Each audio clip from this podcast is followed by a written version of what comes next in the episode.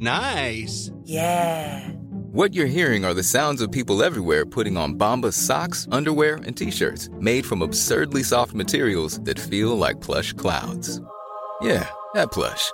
And the best part? For every item you purchase, Bombas donates another to someone facing homelessness. Bombas. Big comfort for everyone. Go to bombas.com slash ACAST and use code ACAST for 20% off your first purchase. That's bombas.com slash ACAST. Code ACAST.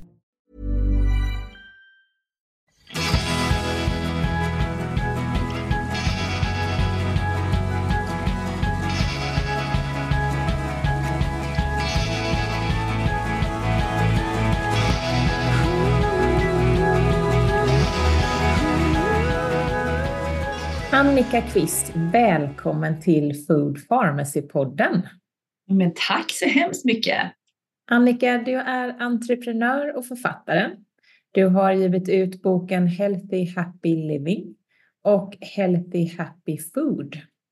Och nu så är du aktuell med en fantastisk ny bok som jag precis har läst som heter Hjärnsmart. Mm. Hjärnsmart är boken som inte bara förklarar hur hjärnan fungerar, utan man får också faktiskt praktiska verktyg för att stärka, träna och ta hand om sin hjärna på bästa sätt. Och det mm. är fantastiskt. Mm. Men Annika, jag tänker på det. Vi pratar ju mycket om att träna eh, liksom, den fysiska kroppen. Det lyfts ju faktiskt väldigt ofta.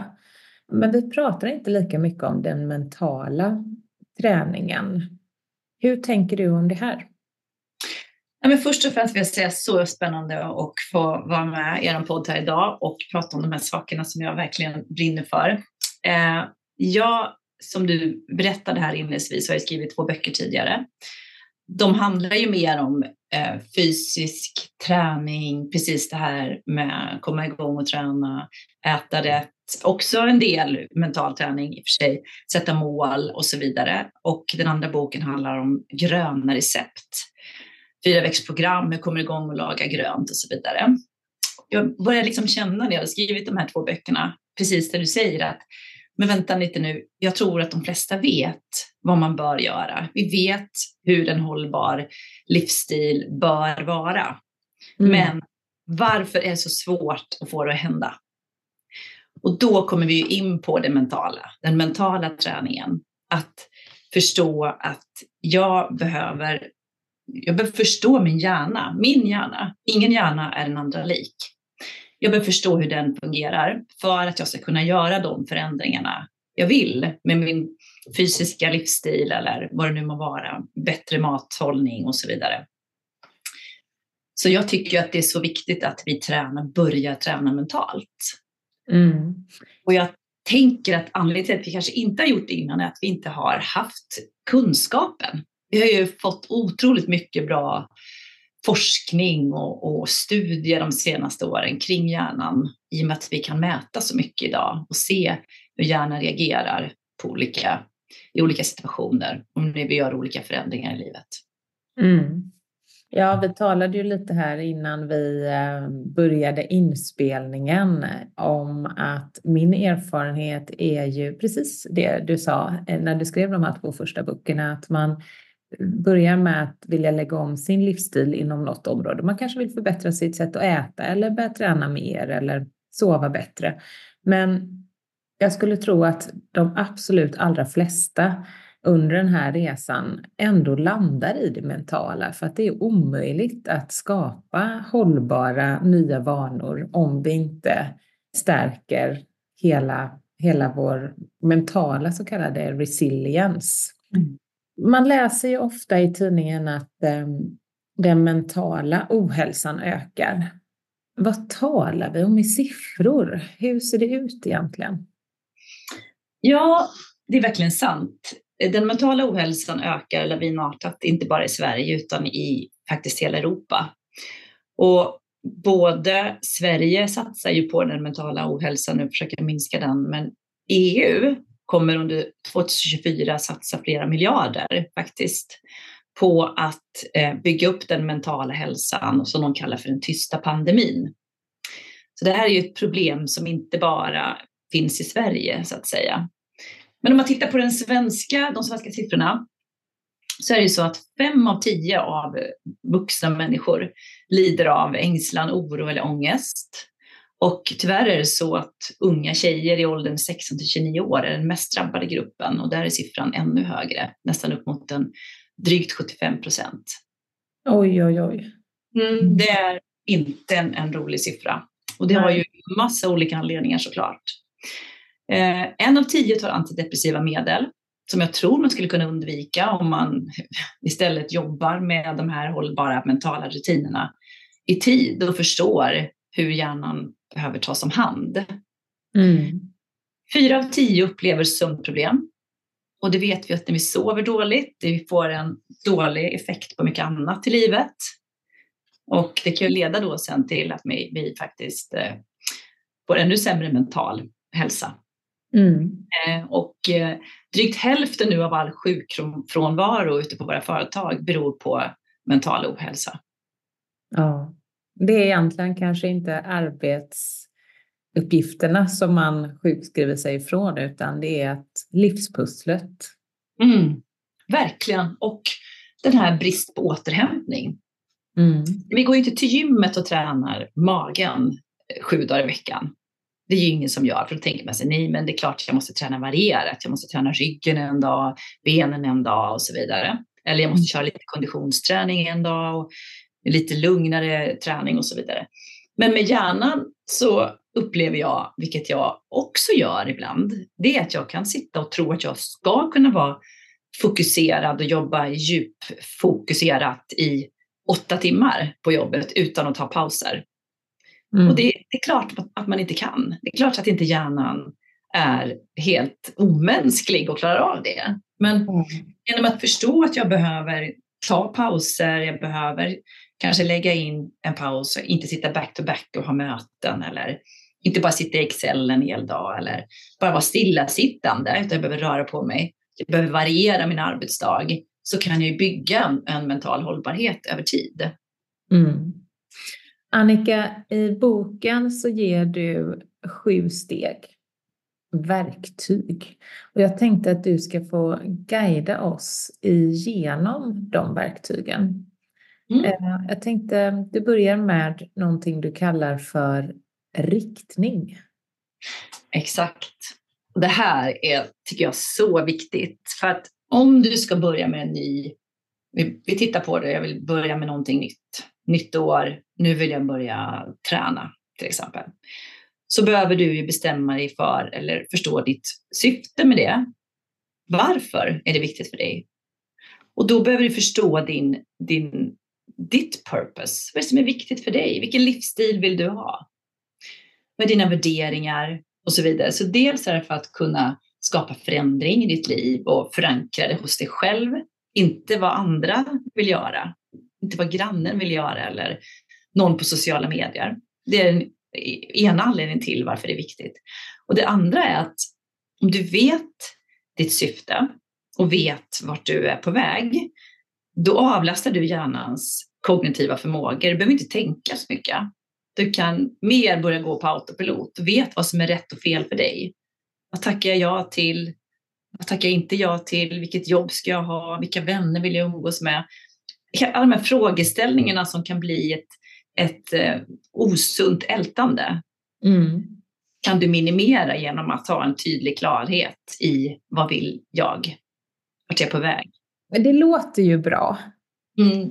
Men hur kommer man fram till det? Hur, liksom, hur, hur gör man rent praktiskt? Ja, det, exakt, det vill jag också säga. Att, eh, det är ju inte lätt. Det är ingenting man bara så här, jag sätter mig en eftermiddag och, och skissar fram vad är mitt syfte, utan det här är ju en process.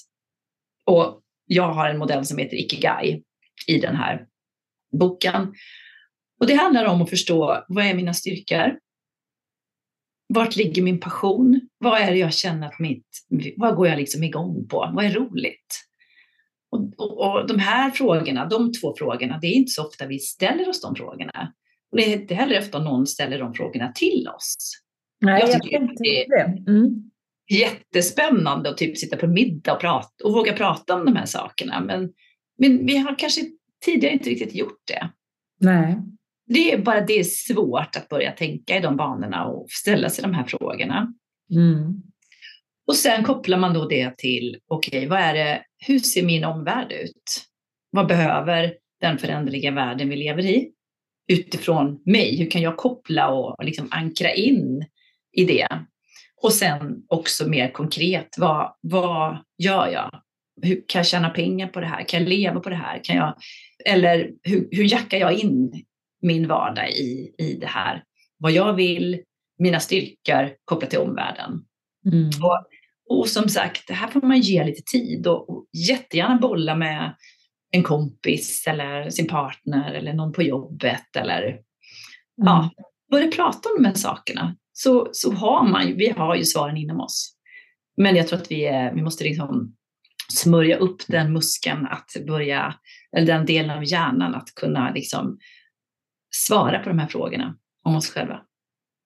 Jag tänker på det om man eh, börjar tänka på de människor man har i sin närhet, sina närmsta vänner, sina barn, föräldrar och så vidare, så kanske man inte ens har frågat, ställt de frågorna till sina närmaste. Och det är ju en jättebra eh, början att faktiskt börja mm. prata om det som är viktigt på riktigt runt middagsbordet till exempel.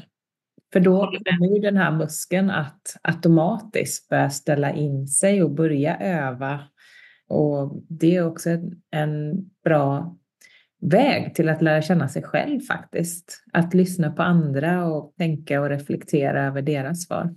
Mm, verkligen. Och, och likadant på våra arbetsplatser, att man är ärlig med att säga att det här är, tycker jag är kul. Det här är, känner jag att jag har passion för. Och det här mm. är mina styrkor. Och kopplat till det vi gör, hur kan jag alltså våga ditt självledarskap, våga mm. tala om vem man är. Just det. Sen har vi då hållbarhet, pratar du om också. Vad är det? Ja, det är ju också ett eh, ganska stort område. Och det handlar ju om lite det vi var inne på förut, det här att förstå vad behöver jag för att må bra?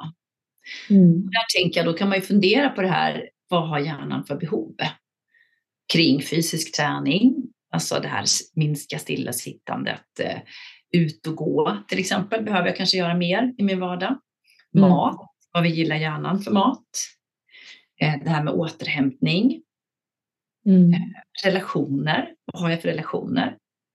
Är det någonting som hjälper mig? Känner jag att mina relationer utvecklar mig eller snarare skälper mig? Så det, där behöver man då egentligen stanna upp ibland för att se över sin, sin eh, livsstil kopplat till mitt mentala mående. Mm. Ungefär som man gör med en tjänst. Trivs jag på den här arbetsplatsen? Mm. Är jag nöjd med mina uppgifter och så vidare? Mm. Ja, men precis. Och man kan ju inte tro att någonting, en bil fungerar inte om du tar hand om den. Ingenting funkar om du inte ger den liksom eh, kärlek och engagemang i långa loppet. Ingenting blir hållbart om du inte tar hand om det, en relation. Um, ja, i stort sett allting. Så att du behöver ju säga, hur vårdar jag mitt, min, min hjärna eller mitt mentala mående? Mm. Och, och, jag tror också även där att vi har svaren. Jag brukar när jag föreläser göra en övning där man blundar och sen så lägger man höger hand på magen och vänster hand på bröstkorgen och sen så sätter man ner fötterna i marken så man grundar sig själv och sen så ställer man sig frågan vad behöver jag just nu för att må bra, ha balans? Och så får man sitta en liten stund och så ser man hur alla är så här, ja. Och så säger jag, ni behöver inte tala om, men fick ni svar? Och då säger alla, nästan alla, alltid att ja, jag fick svar. Och ge oss den tiden att ställa oss frågan vad behöver jag prioritera just nu? Det kan ju variera från vecka till vecka, mm. månad till månad, år till år. Men att, att då utifrån det eh, styra och navigera sig framåt istället för att återigen sitta på sociala medier och se att nu har den gått med i det här programmet och nu har den anmält sig till ett maraton och nu har den börjat med den här dieten då förankrar vi det ju inte i vad är det jag har för behov. Hur bygger Nej. jag min hållbarhet? Mm. The burden of comparison som man brukar prata om. ja, och det är ju hjärnan det ligger i oss. Vi kommer aldrig bli av med det. Det Nej. första hjärnan gör, skannar för var i rangordningen är jag, vilket rum du ens kliver in i, vilket forum du än är i, när du är på sociala medier. Du sitter och jämför dig. Det kan du inte ta bort. Men du kan välja då att inte gå in kanske på sociala medier för att titta på de här sakerna eller vilka är det du följer till exempel. Eller vetskapen om det kan göra att jag tar inte åt mig nu vad andra gör, jag utgår från mig själv. Annika, jag vet att vi talade om det lite på ett samtal vi hade för någon vecka sedan.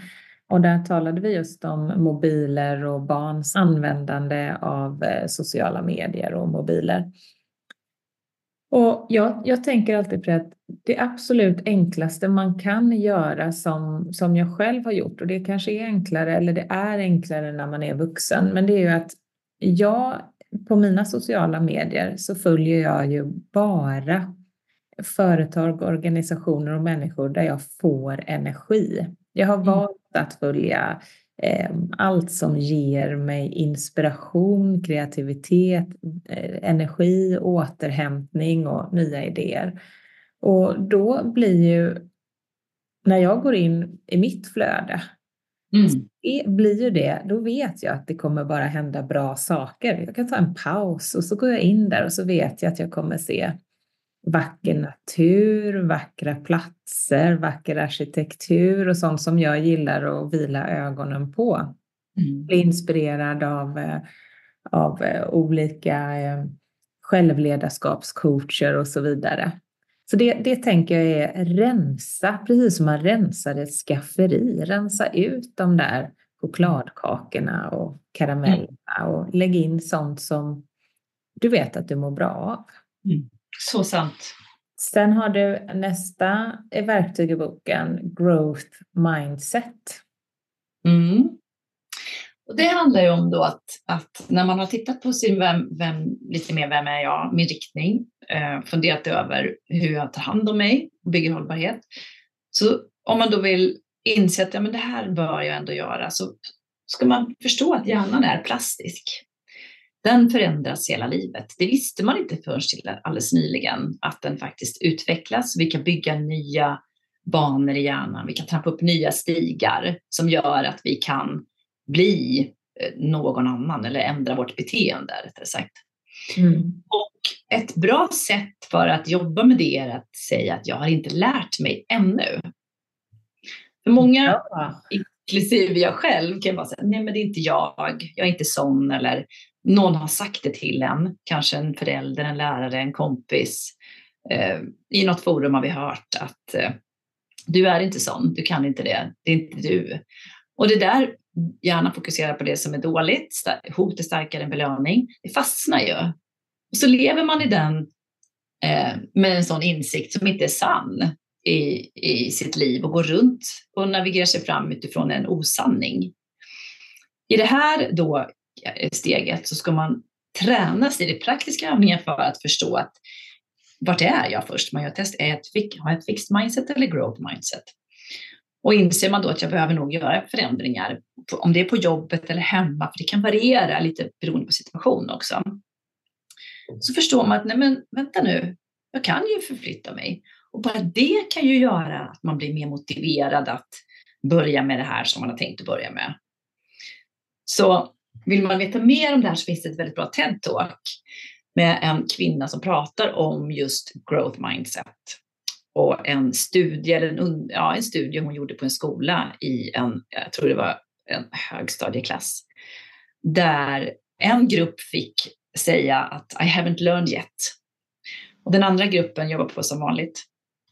Och det blev jättestora skillnader i slutbetygen för de som då jobbade med att tänka, jag är på väg någonstans att utvecklas åt ett håll inom de här områdena. I haven't learned yet. Jag älskar det. Det ger ju också en sån frihet, att man inte mm. är fast, utan precis som du säger, att man kan växa och utvecklas. Mm. Fantastiskt. Ja, det är faktiskt fantastiskt. Och man bygger då i de här första tre stegen förutsättningar för att skapa förändring mm. genom att lära känna sig själv. Jag vill också säga att att ha ett fixed mindset spar också på hjärnans energi. Så därför har vi både och. Ibland är vi ju väldigt så här, nej men så här har jag alltid gjort, jag fortsätter. Funkar det bra så ska man ju göra det. Mm. Om man ska vända upp och ner på allt och det här ska jag lära mig, det här ska jag lära mig.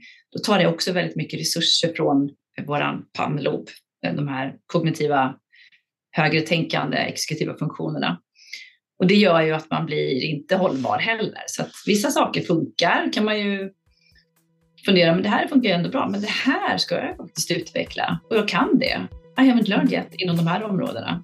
Mm. Så det är också viktigt att betona att vi ska inte göra om allting. Det blir jätteövermäktigt för hjärnan.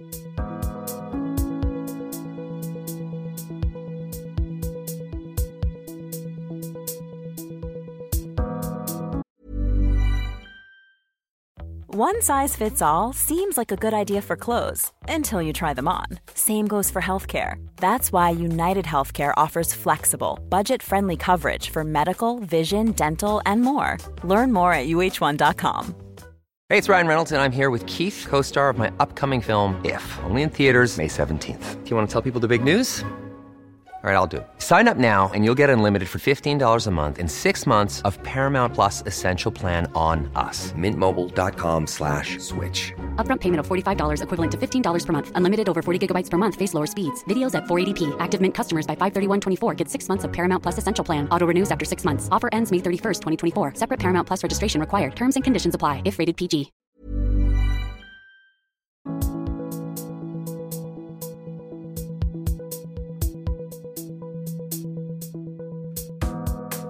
Och sen har vi mål. Ja, då kommer vi in på vad ska man säga, del två i den här hjärnsmartsmetoden som det heter. Då. då har du skapat grunden, plattformen, förhoppningsvis lärt känna dig själv mer, förstått vart jag är på väg, vad som är viktigt. Då är det, handlar det om att sätta mål. Mål som är kopplat till det jag vill, min riktning. Också mål som är anpassade till hjärnans vad ska man säga, förmåga att skapa förändring. Så här vill man ha mål som är positivt satta, att vi är på väg någonstans. Kan det vara? Ge ett exempel. Ja, men till exempel att jag vill, om man då tänker på eh, maten då i det här fallet, att eh, jag vill, eh, man kanske vill sluta äta socker helt enkelt. Det är ju ett tråkigt mål för hjärnan, att sluta med saker. Då är det bättre att säga jag ska börja äta mer. Vad är det jag kan tänka mig att börja äta mer av? Ja, men till exempel frukt. Even, okej, okay, det innehåller också socker, men vi säger att det är bättre. Jag ska börja äta mer frukt. Då är det ett mål. Jag ska äta tre frukter om dagen. Eller jag ska äta fem frukter i veckan. Eller jag ska prova två nya frukter i veckan. Då är hjärnan mer motiverad att fortsätta än att säga att jag ska sluta äta socker. Det är jättetråkigt och jättelätt att falla tillbaka till gamla vanor om det är ett sådant mål. Så målet ska vara positivt satt. Eh, det ska också vara rimligt så att hjärnan tänker att men det här är faktiskt rimligt för mig, jag kan nå det. Det är uppnåbart. Och det ska vara mätbart. Så att du ska kunna se att nu har jag kommit hit. Och då ska du fira, för du utsöndrar gärna dopamin och serotonin som gör att du får den här belöningskänslan och motivationen att fortsätta. Just det. Så det är inte egentligen, eh, men bara att, att formulera, jag brukar säga när man coachar personer också, ja, men eh, jag ska bli mer, eh, ska delegera mer. Jag kan inte ha allting på mitt bord, jag måste börja delegera. Okej, okay, bra. Vänta, var lite tydlig i det då. Och sen, hur mäter jag det? Och ibland kan det vara att man måste ha en skala från 1 till 10. Jag menar, idag är jag på en 4, jag vill vara på en 8. Det är viktigt för mig. Så, så att man hittar det, förankrar målsättningen på det sättet, det är ganska enkelt, så kommer det sannolikheten att du når ditt mål öka mycket mer. Just det, och det här med fira, att fira sina framgångar, det har man ju sett att det är ju så otroligt viktigt, för då blir ju hjärnan eh, motiverad att fortsätta på det här spåret, eller hur? Mm. Verkligen. Och, och, då kanske någon säger, men vad då fira? Vad innebär det? Men man kan istället säga, ge sig själv en klapp på axeln eller säga, bra jobbat. Mm. Bra Lina, jag klarade det här. Jag klarar det igen. jag gjorde, jag gjorde det här eller jag kom, gjorde det här delmålet eller vad det nu kan vara. Mm. Och då, då stärker man sin självkänsla och sitt självförtroende också. Att, men jag klarar faktiskt av det här. Mm. När man pratar om mål så kan man ju inte inte prata om rutiner, eller hur? Nej. Och jag vet ju att många av er som lyssnar på det här tänker sig att men det är ju ingenting nytt. Men jag tror ändå att vad jag försökt med den här metoden är att göra den i alla mina böcker har jag skapat program och metoder, för jag tror man behöver någonting att hålla sig till, hålla i. Mm. Därför så, precis som du säger, av mål, vi börjar med riktningen, vi sätter målet och målet är bra, men hur tar jag mig dit? Det är rutinen. Mm. Det är liksom en del i resan att skapa förändring och vilja få in nya rutiner. Då. Och rutiner handlar ju då om att bestämma sig för om jag nu vill till exempel bli fysiskt stark då. Ja, då ska jag börja med en liten rutin, en mikrovana. Bestämma sig för att vad är den mikrovanan kopplat till mitt mål? Ja, men det är att göra fem armhävningar varje dag. Sen hittar man en trigger som jag redan gör, en befintlig vana. Till exempel då, jag borstar tänderna. När ja, jag borstar tänderna. Exakt, det med mm. borsta tänderna, jag går upp på morgonen, jag kommer hem efter jobbet, stänger dörren, eller jag går in på eftermiddagen, jag går och lägger mig och så vidare. Jag öppnar upp min dator, tar fem andetag eller vad det nu kan vara.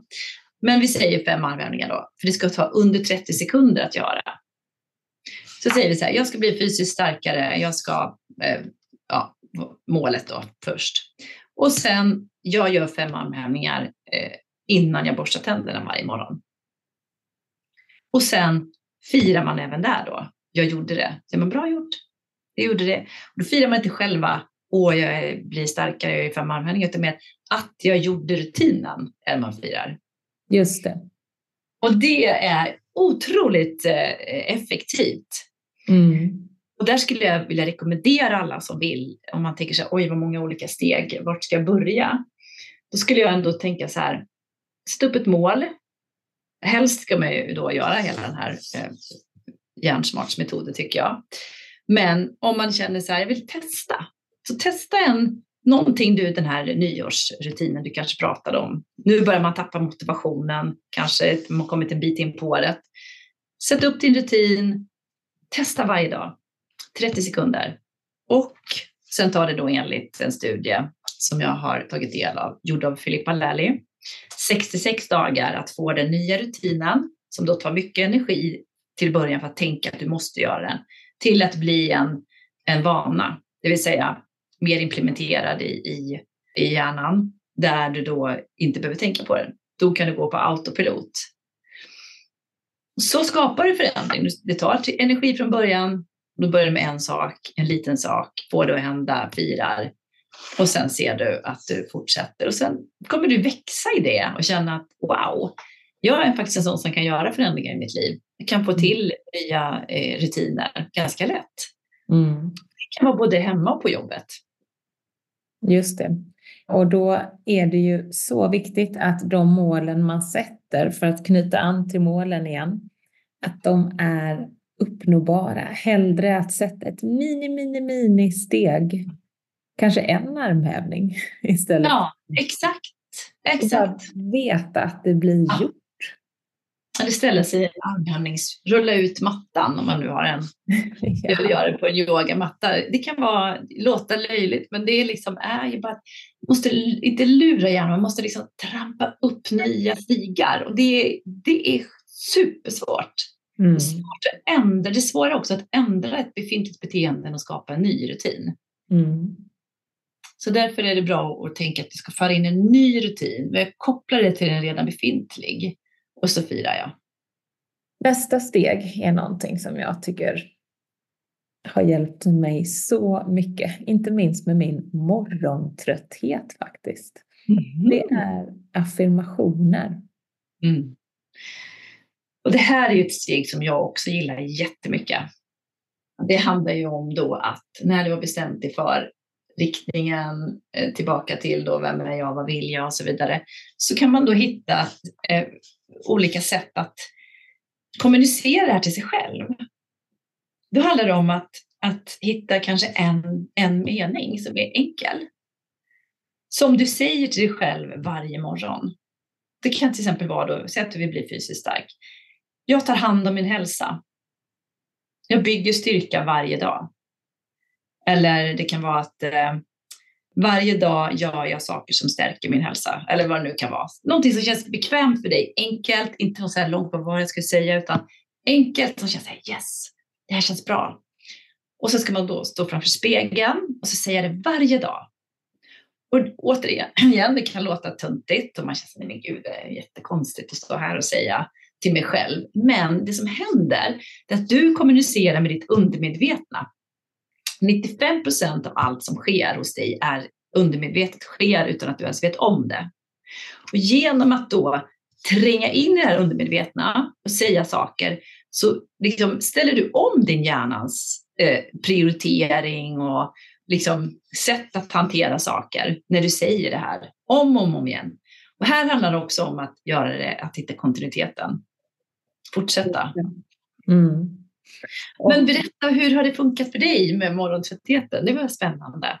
Ja, men jag har ju varit morgontrött hela mitt liv. Alltså extrem morgontrötthet pratar vi om. Jag vaknar varje morgon och så tänker jag nej, nej, nej, nej, nej när klockan ringer för jag är så trött. Och många eh, av mina vänner pratar om att när man går och lägger sig på kvällen så känns allt, kan allt, det börjar kännas lite oroligt och saker blir skrämmande. Men för mig är det på morgonen. Jag vaknar och känner att och nej vad jobbigt och så, och så har jag det och det mötet och det har jag inte förberett. Sådär. Mm. Eh, och jag orkar inte gå upp nu. Och de senaste åren så har jag tagit tid för mig själv, ungefär tio minuter varje morgon. Och då ligger jag istället och berättar för mig själv hur bra mitt liv är. För jag är ju väldigt tacksam ja. för mitt liv och jag tycker ju alltid att det där mötet ändå är kul när man kommer dit. Så jag ändrar liksom alla de här tankarna och säger saker som åh vad fantastiskt skön den här sängen är och täcket är så underbart, jag är så tacksam för det. Och den här dagen kommer bli så bra. Den här dagen kommer bli så härlig och så försöker jag tänka på en person som jag kommer träffa under dagen och att jag är tacksam för det. Eh, så att jag vet att nästa steg i din modell är just tacksamhet, men ehm, man kan väl säga att jag väver in affirmationer med tacksamhet, att jag, jag tänker på hur bra jag har det och visualiserar en fantastisk dag eh, framför mm. mig. Och det har förändrat mm. det har förändrat hela min morgon och jag vill inbilla mig att det därför faktiskt har förändrat resten av dagen också. Därför att vi sätter ju på något sätt ribban redan när vi går upp för hur dagen ska bli, eller hur? Mm. Ja men verkligen, men gud vad spännande. Vad, vad fick dig att, att göra det då? Var det någonting du, som du kände själv att det här borde jag göra eller? Ja, men det fick mig eftersom att jag, för det var ju tio år sedan nu vi startade Food Pharmacy det här året. Eh, nu till hösten blir det tio år.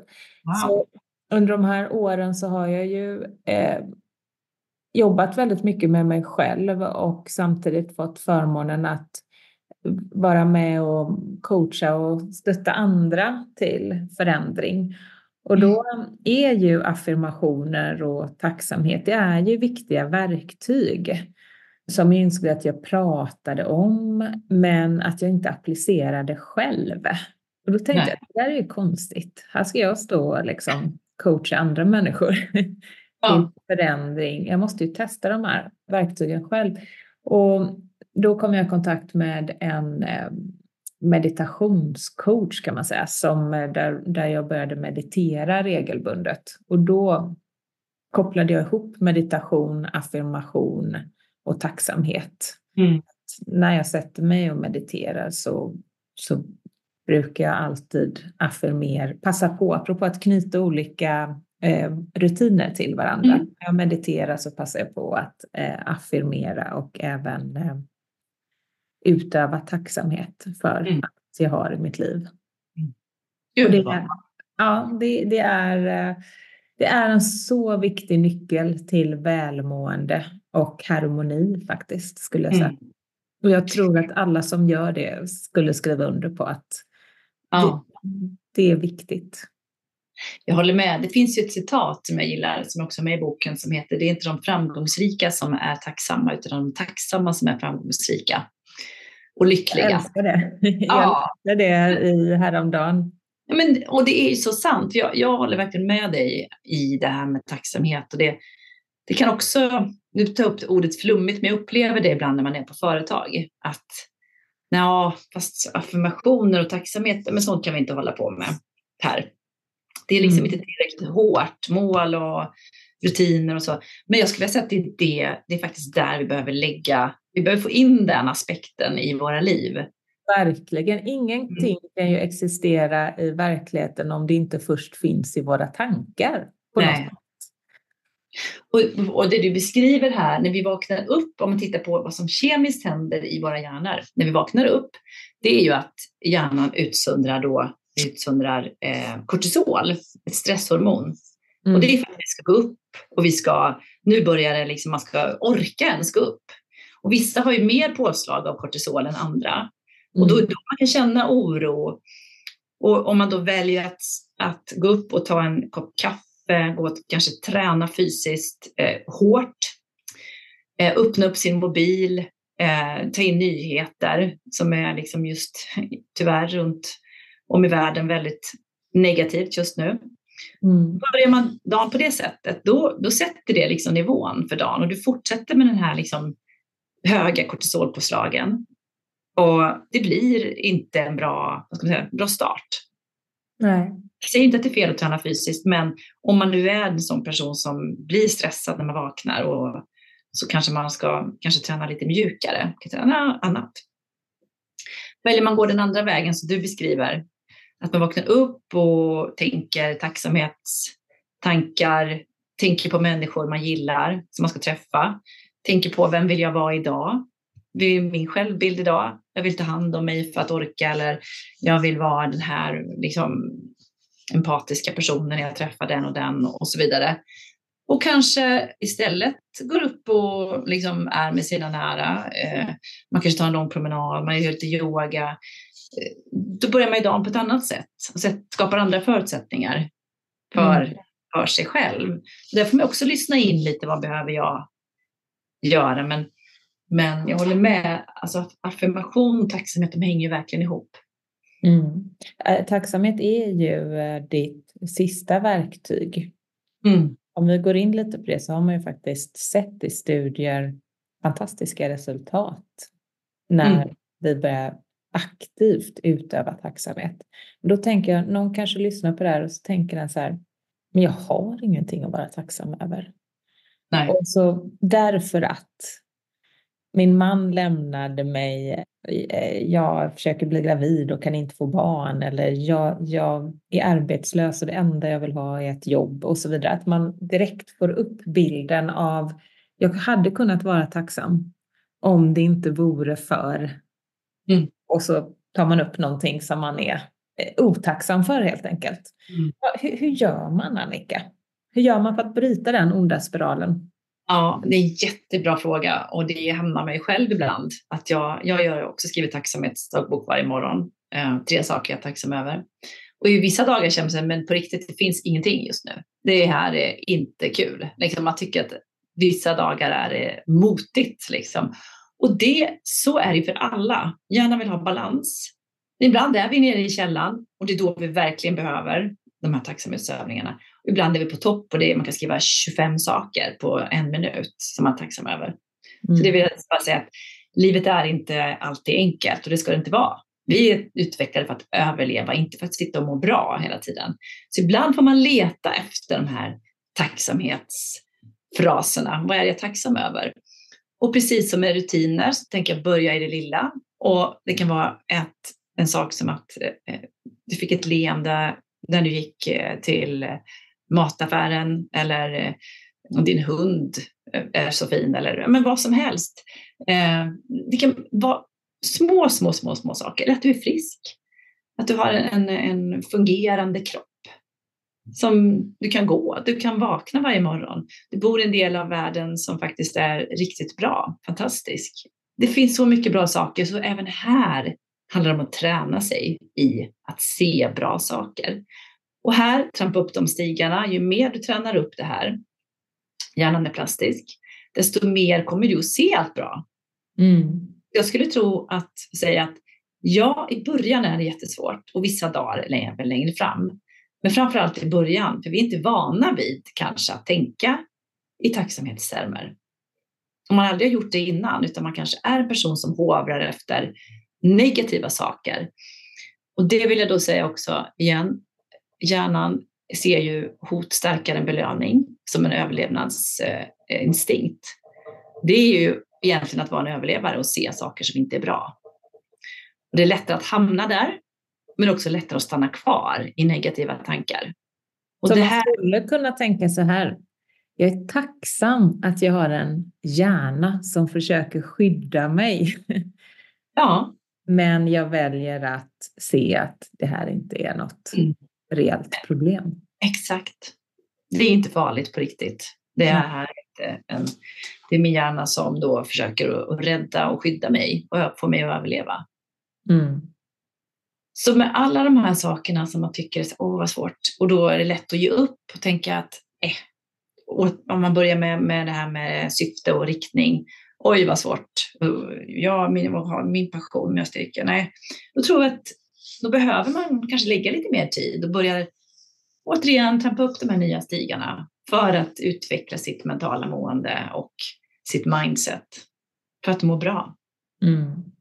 Annika, tack så jättemycket för att du har varit med oss idag och eh, berättat om dina sju steg. Jag kan verkligen rekommendera alla som vill veta mer om det här att läsa Annikas bok Hjärnsmart, enkla verktyg för en starkare hjärna.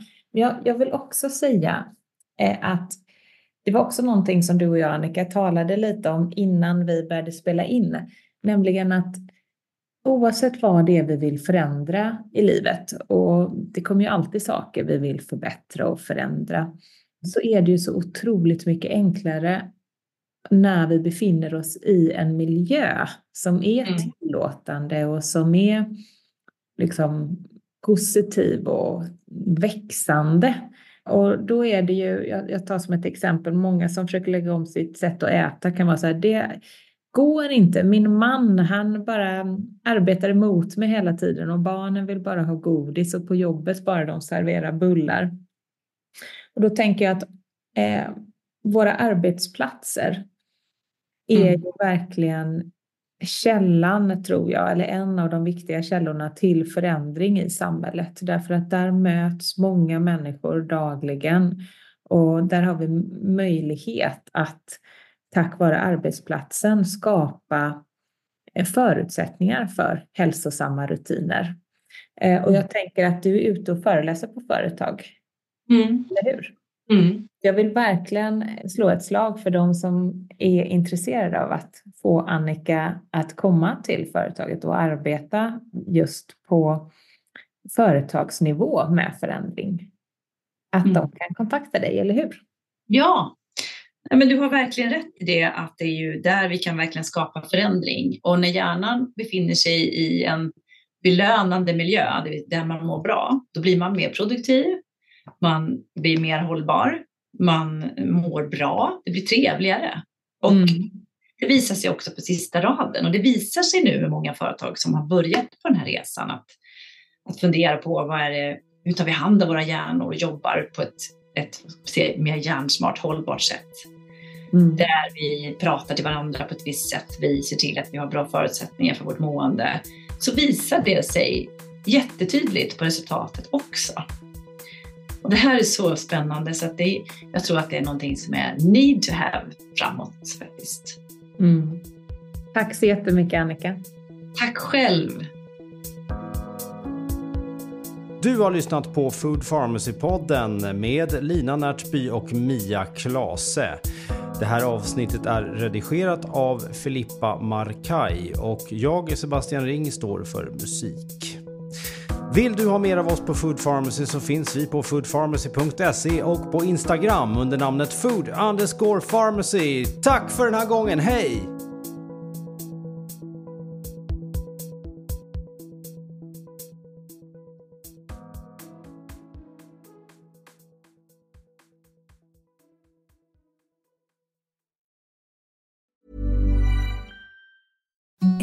The softest sheets you've ever felt. Now imagine them getting even softer over time. That's what you'll feel with Bowl and Branch's organic cotton sheets. In a recent customer survey, 96% replied that Bowl and Branch sheets get softer with every wash. Start getting your best night's sleep in these sheets that get softer and softer for years to come. Try their sheets with a 30-night guarantee. Plus, get 15% off your first order at bowlandbranch.com. Code BUTTERY. Exclusions apply. See site for details.